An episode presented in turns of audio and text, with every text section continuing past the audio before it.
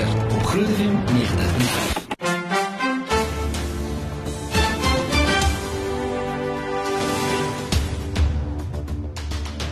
Baie welkom by Vanaand se reg of verkeerd op Groot FM 90.5. Ek is Pieter Kloete en saam in die ateljee is Jannie uh, Viljoen Bester of net Jannie Bester soos almal hom ken. En hy's 'n forensiese onder, ondersoeker en ook 'n handskrifkenner. Nou met internasionale linkerhanddag vandag uh, gaan ons 'n bietjie lekker gesels oor uh, onder andere 'n bietjie oor uh, weet mense wat linkshandig skryf en regshandigs en ook weet mense wat nou skurke is en wat ander mense se handtekeninge probeer namaak en die meer. Uh, Jannie baie welkom. Hey, baie dankie Pieter, dankie vir die geleentheid om hier te wees. Ja, net so 'n bietjie meer oor uh, die werk wat jy doen as 'n forensiese ondersoeker, net 'n bietjie vir ons 'n breë idee te gee van weet wat wat se werk jy doen en en so meer. Ja, Pieter, ons staan bekend as forensiese dokumentondersoekers. En uh ons uh, ondersoek dokumente wat in betwis is of waar dokumente dan bevraagteken word, bevraagteken word die egtheid daarvan. Dit sal onder andere ook handel met die handskrif en die handtekening op die dokument. Dit ander som handel soms met die papier, uh soms met die inke. Uh kan ook krammerke wees, ponsdrukkers. En dan ondersoek ons hierdie dokumente op 'n wetenskaplike wyse gebaseer op wetenskaplike metodiek en dan gee ons ook deskundige getuienis in howe tot 'n bogeregso vlak. Um, dit in kort um, is 'n samevatting van dit wat ons as forensiese dokumentondersoeker doen. Somstyds word ons gevra um, om betrokke te wees in die ontwerp van sekuriteitseienskappe op dokument wow. of selfs hoe om uh, daardie eienskappe dan uh, te probeer verbygaan um, sodat hulle kan kyk of dit vervalsbaar is of nie. Uh, maar dit is meer in die navorsingskant daarvan. Dis eintlik 'n half 'n veld wat mense nie baie van hoor nie, maar Tog is jy ongelooflik besig, nê? Nee. ja, nee Pieter, nee, ons is besig.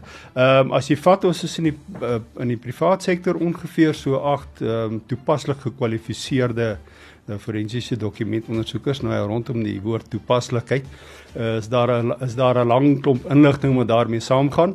Ehm um, ek gaan dit in baie kort 'n bondige manier vir jou probeer saamvat. Ehm um, Ja, 'n forensiese dokumentondersoeker se opleiding strek oor 'n tydperk van ongeveer 3 jaar. Jy doen ongeveer 4000 ure se se opleiding of akademiese opleiding en dan het jy nog 'n jaar wat jy ook bydoen onder 'n mentor of 'n erkende mentor wat jou dan ook by sal staan in die in in die uh, ondersoek van sake. Dit sal nasien ehm um, en jy sal leiding gee en dan jy ook sal help hoe om die regte tegnieke te ontwikkel om in die howe te kan getuig nou uit die aard van die saak. Ehm um, is die kers altyd die koek is om daardie kruisondervraging te weerstaan. Ja. Ja, dis nogal die moeilike ding. Ek meen um, uh, ons as publiek is nogal blootgestel om te sien hoe uh, die howe werk. Ek meen as mens kyk na Oscar Pistorius se saak wat wat um, regstreeks uitgesaai word, dan kan mense nogal sien dat uh, jy weet die staat en die aanklaers um, nogal baie brutaal kan wees al is jy nie eers 'n uh, uh, of 'n beskuldigde in die saak nie. Ja, weet jy Pieter, dit is 'n uh, dit is 'n interessante faset van 'n ou se werk is om daardie deskundige getuienis te gee in die hof. Ehm um, 'n mens moenie jy die verneinigheid of die brutaliteit soos wat jy dit noem as persoonlik ervaar in die hof nie. Ehm um, daardie advokaat of daardie prokureur of daardie persoon van die vakbond op daardie stadium probeer net op sy beste manier om sy werk so goed as moontlik te doen. En 'n mens moenie dat daardie uh, aanvalle wat op jou geloods word op 'n persoonlike wyse aanvaar nie. Ons is daarom as 'n deskundige getuienis getuie is jy daar om getuienis te lewer uh ten voordeel van die hof. Jy moet inligting in die hof oordra of aan die voorsittende beampte liewester wat daardie persoon voorsittende beampte kan gebruik in die oorweging van al die feite in die saak. Jy lewer net bydraende getuienis. So ja, daar is nogal interessante oomblikke in die hof waar jy moeilike vrae beleef en uh, maar 'n mens moenie wegskram daarvan af om erkennings te maak in die hof om saam te stem in tye wanneer daardie vrae in jou gestel sal word nie. Ehm um, jy as deskundige is nie daar om 'n kliënt se se saak te verteenwoordig nie. Jy's daar net om wetenskaplike inligting in die hof oor te dra om hulle om die voorsittende beampte te help om daai inligting dan te oorweeg. Hmm. Tesame met al die ander inligting in die hof. En watse tipe sake sal dit moontlik wees waar jy betrokke is? Ek meen, as mens dink aan aan dokumente, is dit is dit seker maar net finansiële sake of kan dit enige sake wees?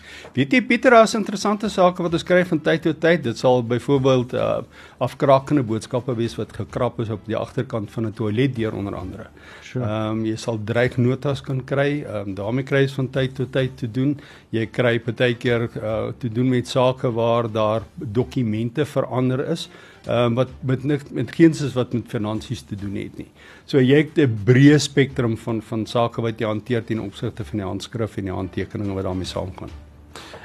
En julle werk is uh, ek het nou onlangs 'n artikel gelees van um, iemand wat 'n boek geskryf het, of twee boeke geskryf het oor 'n ware verhaal van 'n dame wat vermoor is en 13 jaar later toe hulle weet sy verhuis toe onder die mat toe kry hulle 'n nota uh ek weet nie of jy weet van daai van daai saak nie, maar toe kry hulle 'n nota wat bewys dat die persoon die beskuldigde is en toe 13 jaar eens na die noord moord kon hulle iemand aankla daarvan. Ja, Pieter, dit was die Betty Kitani saak, is yes. Een van daai uitsonderlike sake. Ehm um, hulle noem dit een van daai doodgeloopte moordsake. Kyk, 'n moordsaak word nooit afgesluit nie. Hulle word van tyd tot tyd word deur die polisie word dit heropen en dan word daar 'n ondersoek gedoen of wanneer daar nuwe inligting beskikbaar raak. Nou in hierdie spesifieke aangeleentheid was dit nou so so 'n saak waar daar nuwe inligting ten vore gekom het.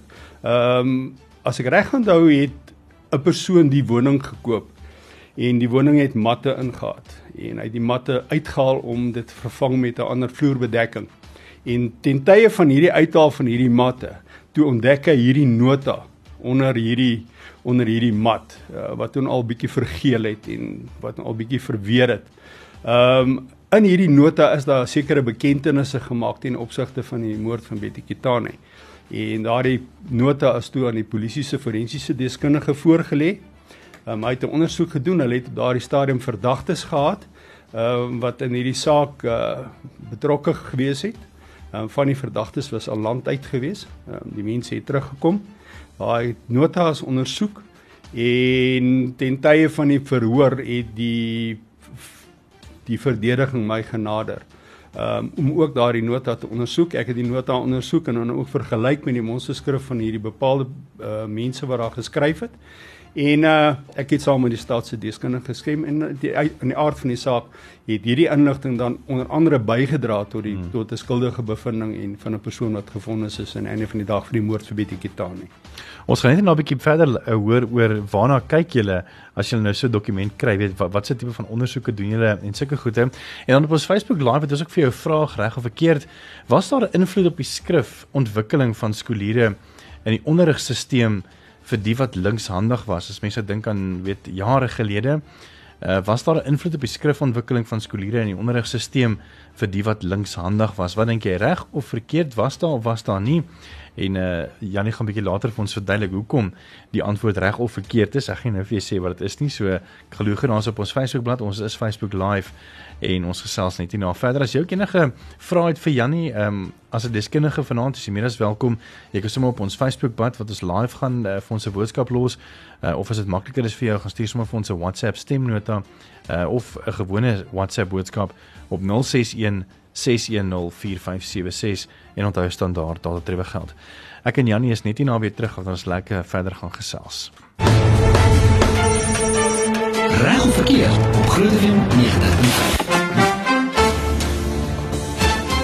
Maar welkom terug by Reg of Verkeerd hier op Groot FM 90.5 saam met my is Janie Bester of Janie Viljoen Bester soos almal hom ken en hy's 'n forensiese ont uh, ont uh, sê geweer 'n forensiese dokumentondersoeker. Ja, uh, dokument is die sleutelwoord hierso. Janie baie dankie dat jy uh, ingestem het om vanaand 'n bietjie te kom gesels oor die baie interessante werk wat jy doen. Uh, jy het vroeër gesê van die Betty ehm um, saak ehm um, waar hulle nodig gekry het onder 'n mat na 'n uh, verloop van tyd en jy moes dan natuurlik jou persoonlike opinie gegee het daaroor. Wat is die goed waarna jy kyk as jy so 'n nota kry wat weet wat dan vir jou waarna kyk jy? Ja, uh, Pieter, dit was die Betty Kitani saak. Ehm um, die instruksie was om na die handskrif te kyk want uit die aard van die saak was daar nou verdagte en hulle wou graag geweet het wie het hierdie nota of hierdie bekendtenis dan op hierdie dokument geskryf. Ehm um, en dan wou hulle ook gehad het 'n mens moes kyk of dit die verwering van die dokument. Nou tipies sou ooreenstem met 'n dokument wat in daardie omstandighede gevind is wat nou onder 'n mat geplaas is en 13 jaar later weer uitgehaal is in 'n huis waarvan die matte waarskynlik ook 'n paar keer gewas is. Ehm um, mense sal tipies begin kyk in hierdie geval sal jy 'n ondersoek dan nou opdeel uh, in die verskillende fasette. In hierdie geval was dit nou mense na die handskrif gekyk. Uh, ons het 'n bietjie gekyk na die papier en dan het hy ook gekyk na die inke wat op die dokument voorkom en of daardie inke dan gesmeer het want daar was chemikalieë betrokke wanneer 'n mat gewas word. Hmm. Daardie prosesse is gevolg. Ehm um, die prosesse wat ons gevolg het is almal nie destruktief van aard. Met ander woorde die integriteit van die dokument het behoue gebly. Ehm um, die handskrif en die hand, handskrif ondersoek het dan gegaan rondom die onderskeidende elemente wat jy sou kry wat jy dan nou sou vergelyk daardie unieke elemente wat dan in ou se skrif sou bestaan en daai unieke elemente het jy dan nog identifiseer en dan het jy soortgelyke elemente of dieselfde elemente dan gaan soek in die monsterskrif van die persoon. Nou wenslik in hierdie geval was dat ons sou skrif moet beskikbaar kry van min of meer dieselfde tyd as toe daai dokument geskryf is. Ons was in die posisie om dit te kry. Ehm um, so die skrif is dan in tyds. Ek dink dis 'n mooi Afrikaanse woord. Is was dan in tyds ten opsigte van die vergelyking. So dit was absoluut toepaslik van aard geweest. Die chemiese toetsing het uh, het ons van, van nie-destruktiewe toetse gebruik maak. Daar het ons dit blootgestel aan uh, aan in beligtingprosesse in die infrarooi spektrum en die ultraviolet spektrum en ons het gekyk ook na die, hoe dit daardie lig absorbeer en dan ook teen sekere uh, magnetiese golflengtes uh het die lig het die het die skrif dan op die dokument ook dan uh, gereageer en dan ook so ook as uh, die watermerke ensovoorts wat daar voorgekom het. Uh, en dan het ons ook dan 'n uh, indentasie ondersoek gedoen. Ehm um, daar word die uh, dokument word gemagnetiseer en dan word hy met 'n koolstofboeier behandel, maar hy kry eers 'n deklaag van plastiek oor. Dan word hy behandel en dan daardie proses of daardie tegniek bring dan vir ons daardie verborgde skrif uh of 'n indentasie en dan dit stel sekere inligting in jou voor. As ek dit 'n bietjie meer bietjie meer prakties kan maak.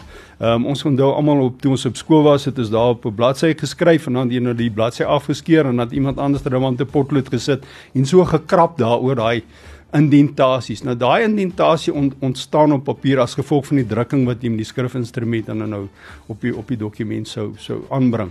En ons herstel dan nou daai daai skrif deur 'n nie-destruktiewe proses en dit gee jou addisionele inligting. So dit is in breed die uh, ondersoekprosesse wat ons gevolg het in die in die Kitani saak.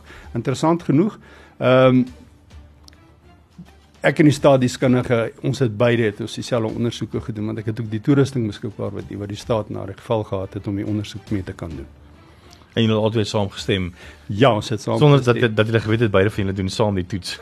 ja, geen se hulle hulle die toets voor my gedoen. Ehm um, in die proses wat ou dan normaal volg Ehm um, sou daar 'n ander deskundige in enige saak betrokke wees sou wees dat mense onafhanklike ondersoek eers sou doen. En um, daar bestaan 'n persepsie onder mense dat uh jy kry 'n deskundige om 'n ander deskundige te diskrediteer. Dis 'n absolute vals persepsie wat bestaan. Ehm uh, die werk van die deskundige is nie om die ander deskundige te diskrediteer nie. As dit 'n waardige deskundige is met integriteit, dan sal hy ehm um, maar net voorlê wat die wat, voorlê wat hy in sy eie onafhanklike ondersoek gevind het. Ehm um, sou daardie bevindinge dan verskil van mekaar, dan sal jy deur die regsverteenwoordigers of die kliënte sou jy sal jy dan nou 'n 'n voorverhoor 'n uh, vergadering reël tussen die twee deskundiges. Julle sal by mekaar kom. Jy sal die ondersoeke bespreek, die tegnieke wat jy gevolg het en dan sou jy ook sit en dan hierdie ooreenstemmings wat julle met mekaar het of die dinge waarop julle ooreenstem sal jy dan bespreek met mekaar en dan sal jy 'n gesamentlike nota opstel deskundige nota wat dan oor daardie aspekte waarop jy sou verskil. Hmm. Nou in daardie geval sal jy dan daardie dokument word dan deur die regsverteenwoordigers voorgelê aan die voorsittende beampte en dan getuig die onderskeie deskundiges elkeen oor daardie aspekte en dan daaruit ontwikkel dan die die kruisondervraging ten opsigte van aspekte wat ons dan verskil van mekaar. Ons het net hier dan terug onthou ook ons eh, Facebook live vraag Uh reg of verkeerd, was daar 'n invloed op die skrifontwikkeling van skooliere in die onderrigstelsel vir die wat linkshandig was? Ons hoor graag van jou, dink jy dis reg of verkeerd? Reg of verkeerd? Op Groot FM 90.5. Welkom terug. Ek is Pieter Kloete en saam met my is Jannie Bester of Jannie uh Viljoen Bester soos sy vriende hom ken.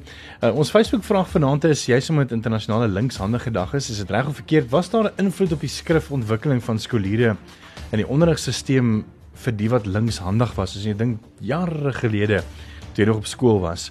Maar wie 'n bietjie vir ons reg of verkeerd? Dink jy daar was 'n invloed of nee, daar was nie invloed nie. Ons gaan 'n bietjie later ook kyk na die kommentaar. Ek sien Gerdie van Skankwyk het vir ons kommentaar gelewer met landkloppers en die meer En as jy ook enige interessante vraag wil vra aan ons kenner vanaand, is jy meer as welkom.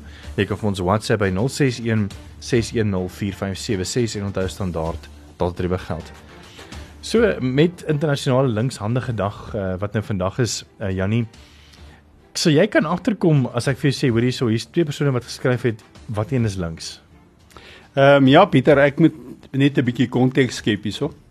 Uh, en ek moet ook, ek gaan 'n paar syfers aanhaal hierso wat uit kom uit uh, uit navorsing uit wat gedoen is nie deur myself nie maar deur uh, verskeie forensiese dokumentondersoekers. Ehm um, en dan ook uit autoriteite in. So met ander woorde ek spreek nie ek spreek nie 'n spesifieke mening uit nie. Ehm um, dit is 'n algemene mening wat in autoriteit bestaan en wat ons tot huidige inligting gebruik in in die gebruik van ons werk. Ja, jy kry drie tipes skrywers. Jy kry 'n linkshandige skrywer, dan kry jy 'n regshandige skrywer en dan kry jy daai uitsonderlike ouens wat met albei hande kan skryf. Ek gaan so 'n bietjie ek gaan so 'n bietjie deur deur al drie van hulle werk. Ehm um, die linkshandige persone het 'n geneigtheid om te skryf op 'n spesifieke manier nadat hulle eie pen hou of hulle pengreep ontwikkel het.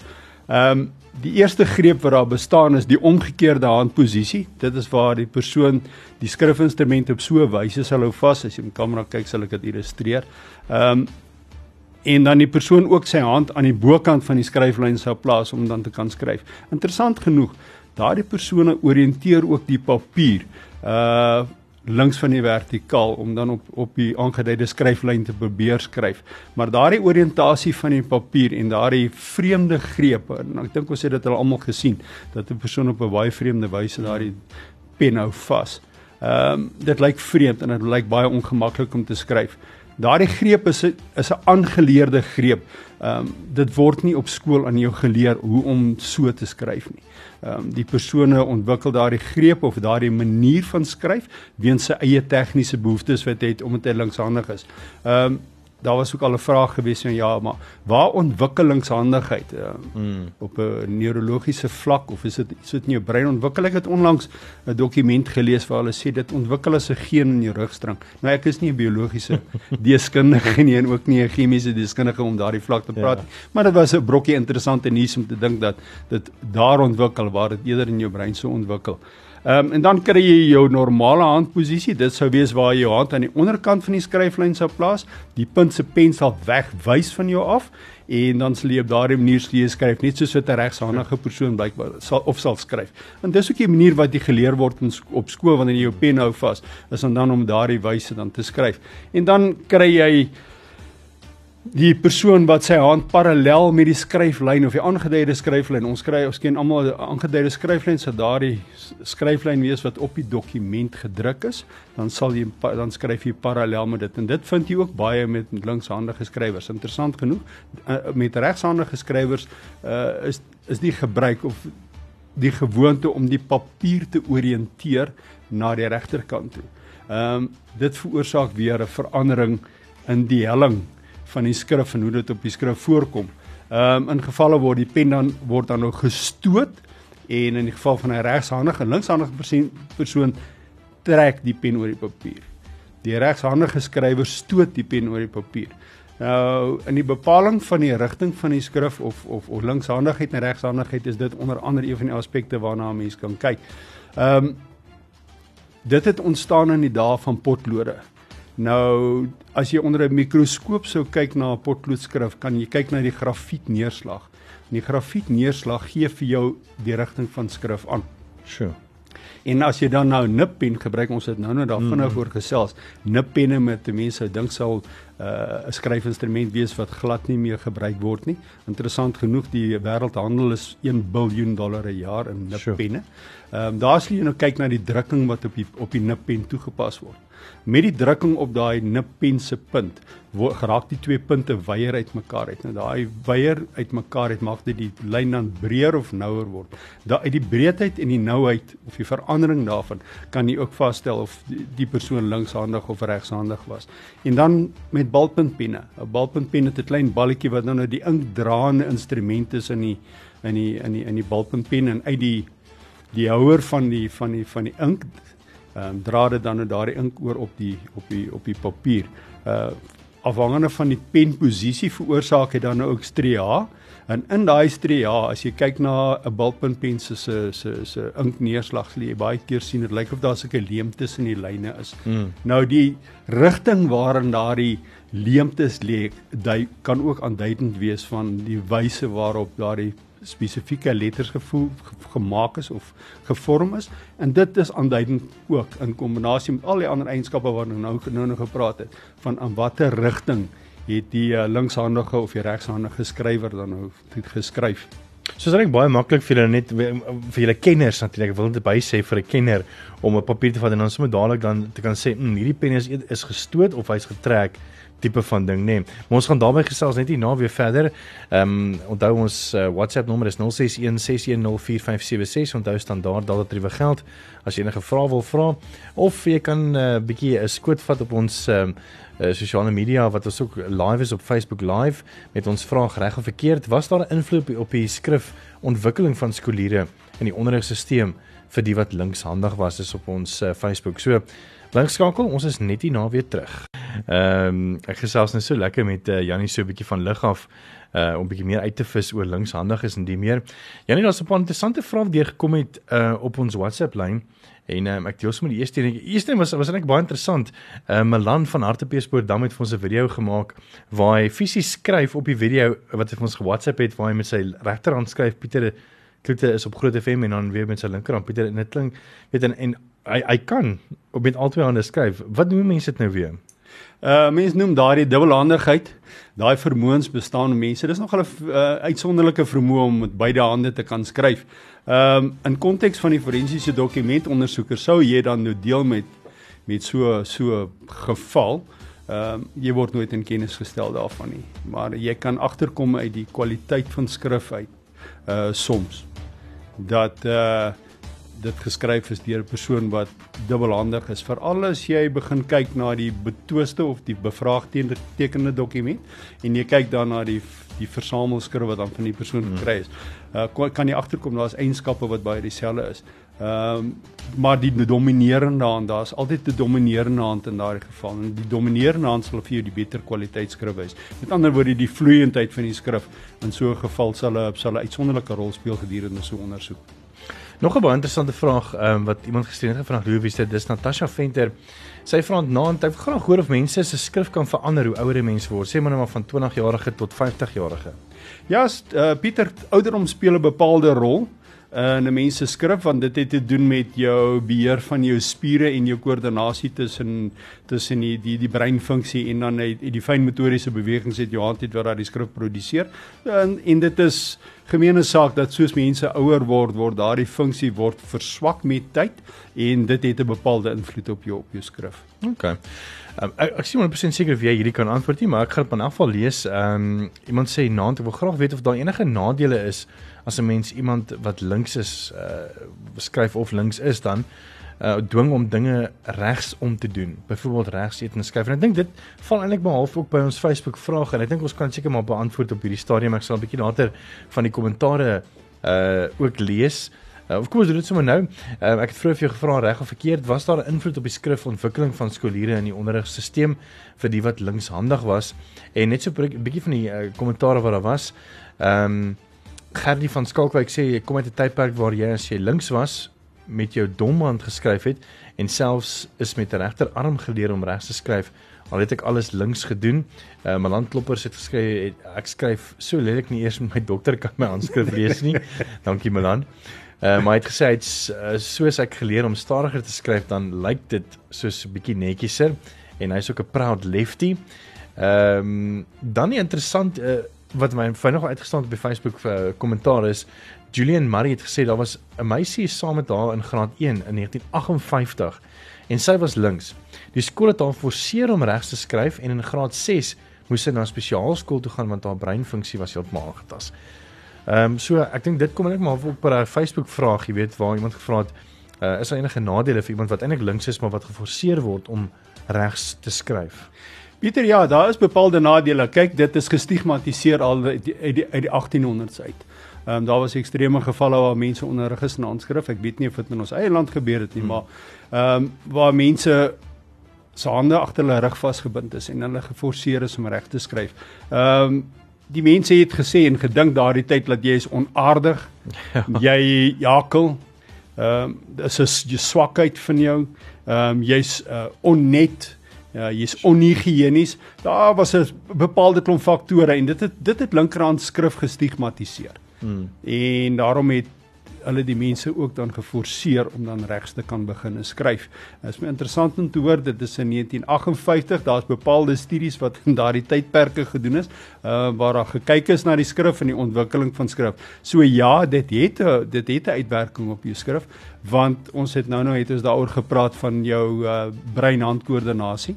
Ehm uh, dit het op 'n bepaalde manier kom dit 'n genetiese agtergrond het. Nou word dit ehm um, daar word daar word daarmee gelol. Ehm uh, ek is nie mediese kundige nie, maar my logika sê vir my dat dit het 'n effek op jou as 'n persoon.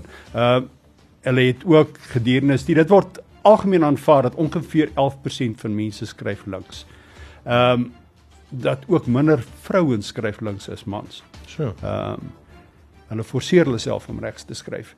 Ehm uh, want dit is sosiaal nie aanvaarbaar nie op 'n stadium gewees het 'n vrou sou linkshandig skryf nie. Hmm. Ehm um, ja, jy kan gaan dink op 'n sielkundige vlak wat se uitwerking dit het. As 'n forensiese dokumentondersoeker binne in die konteks van dit wat ons doen, sou hierdie tipe van goed natuurlik nie 'n rol speel nie. Ja. Want ons deel met die skrif en die eienskappe van skrif, maar dit is baie interessant om te kyk na die omstandighede rondom dit en 'n beter verstaan te hê van hoe skrif ontwikkel het oor 'n tydperk. Hmm. Nogal baie interessant. Ek dink daar's ook natuurlik uitsonderings op die reël. Ehm um, iemand het hier geskryf, ek dink dit is uh, as ek nie mis nie, is dit Frida uh wat gesê het ehm um, Pieter my kleinkind het begin links skryf in graad 1 en het toe hom gedwing om regs te skryf. Hy het gesukkel en was baie stadig. Hy, hy was met allerlei goed beskuldig en moet getoets word vir daai goede en en uh, daar's niks op aarde verkeerd nie. Juffrou was so 'n bietjie in die bek geruk. Ja uh, en so soos hy groter word is hy nou eintlik 'n uitblinker en hy skryf nou maar net heeltyd reg. So ek dink daar is maar seker maar uitsonderings op die reël.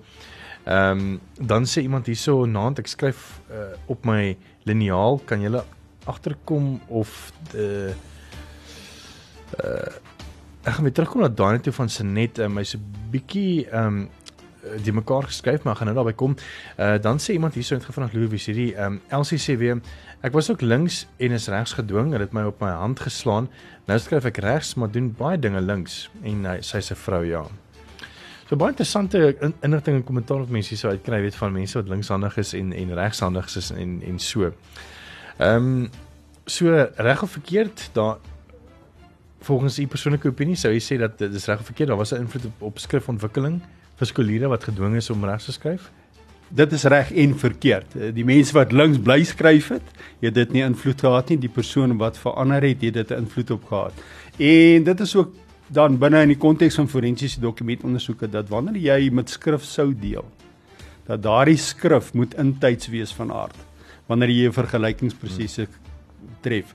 Ehm um, ek kan onthou uit my skool daai uit was daar 'n meisie wat linkshandig was, sy het haar arm gebreek, het haarself geleer om regs te skryf. Sy het aanhou reg skryf. Sou daar dan 'n dispuut ontstaan in die tydperk toe die persoon links geskryf het en nou het jy 'n vergelykende monster wat met die regterhand geskryf het, kan dit nogal problematies wees. Ja. Interessant genoeg. Jou inherente skrifeienskappe bly baie dieselfde.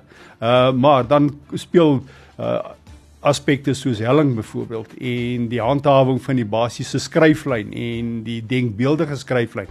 Uh die denkbeeldige skryflyn gaan ek gou verduidelik. Jy handhaaf wanneer jy skryf 'n denkbeeldige skryflyn, dit is hoe jy jou letters uh posisioneer ten ja. opsigte van mekaar. Dan handhaaf jy al daardie aspekte kan dan nou 'n rol speel in die in die ondersoek daarvan en die effektiwiteit van so 'n ondersoek uh, uh beïnvloed. So dit is baie belangrik dan dat 'n mens sou en dis ook 'n vraag om te vra dat wanneer jy hierdie tipe van eienskappe sou kry, uh jy kyk na al hierdie aspekte, dan sal jy terugvoer gee aan tipies aan jou kliënt of 'n regse teenoordiger en hom vra, ek sien vreemde goed in die skrif. Uh jy sal dan hom verduidelik en vir hom sê kom ons kyk na skrif van daardie tydperk byvoorbeeld. Hmm. Uh om dan so sodoende effektiwiteit te verleen aan aan aan die ondersoek. Net om af te sê ek is so lekker met jou gesels en ek kan nie glo die tyd is amper verby nie Jannie. Ek dink ons kan nog verseker nog 'n uur oor ja. hierdie praat. Ja. Uh, want ek het nog baie vrae. Maar sou jy sê dat ehm um, mense wat miskien nou nou nie 5 vingers het nie maar wat 3 of 2 het dat jy sal agterkom dat in hulle skrif dat daar moontlike vingers uh gebrekkig is of nie? Ehm um, of is dit maar baie moeilik? Pieter, dit is 'n dit is 'n is 'n baie moeilike ehm um, gevolgtrekking om te maak. Ja. Ehm ja. um, wanneer jy ondersoek ook begin, begin jy ondersoek van 'n van 'n platform af waar jy geen kennis van niks het nie. Hmm. En dat die skrifeienskappe sal in jou bepaalde afwykings uh, ehm uh, um, vertoon wanneer jy hierdie identifikasies doen en dit sal jou lei en dit mag dalk in die verloop van so 'n ondersoek uitkom dat daardie eienskappe wat jy nou geïdentifiseer het in die skrif eintlik kan wees as gevolg van uh 'n 'n traumatiese gebeurtenis soos daardie waar daar sekere vingers vermis geraak het deur 'n ongeluk of deur 'n besering ensovoorts. Ehm uh, maar as van die skrif af nee. Ehm uh, klinies gesproke, jy sal dit nie agterkom tot jy nie daardie agtergrond kry om hmm. sekere eienskappe mee op te klaar nie. Janie, vir jou beste baie dankie dat jy jou tyd afgestaan het op hierdie Dinsdag aand om 'n bietjie meer te kom vertel oor jou werk. Ek dink dit is ongelooflik interessant. Ehm um, ek dink jy staan seker elke dag vroeg op om te gaan werk want dis 'n baie interessante werk wat jy doen. My dag begin 4:00 môreoggend. Genade. Wees ook dankie dat jy vanaand gekom het en dankie dat jy vir ons van ons vrae beantwoord het. Jy ehm, jy's oor linkshandige internasionale dag ook. Wees baie dankie vir jou Jannie. Nou Pieter, baie dankie en dankie vir die tyd en dankie aan die luisteraars wat ingeluister het en dit is 'n werklike voorreg om my kennis te kan deel met ander mense. So ja, as jy van hierdie ehm um, gesprek gehou het, hy sal so teen die einde van die week ook op ons webblad wees uh, op podcast dat jy hom weer en weer kan luister en natuurlik ook kan deel aan jou ander lefty vriende om te sê jy is nie alleen daar buite nie. Wees baie dankie vir die saamluister. Onthou môre is Woensdag klein Saterdag en dan is dit ook weer tyd vir groot trauma môre aand tussen 8 en 9. Jy moet 'n lekker aand hê. Ons kuier weer môre aand saam.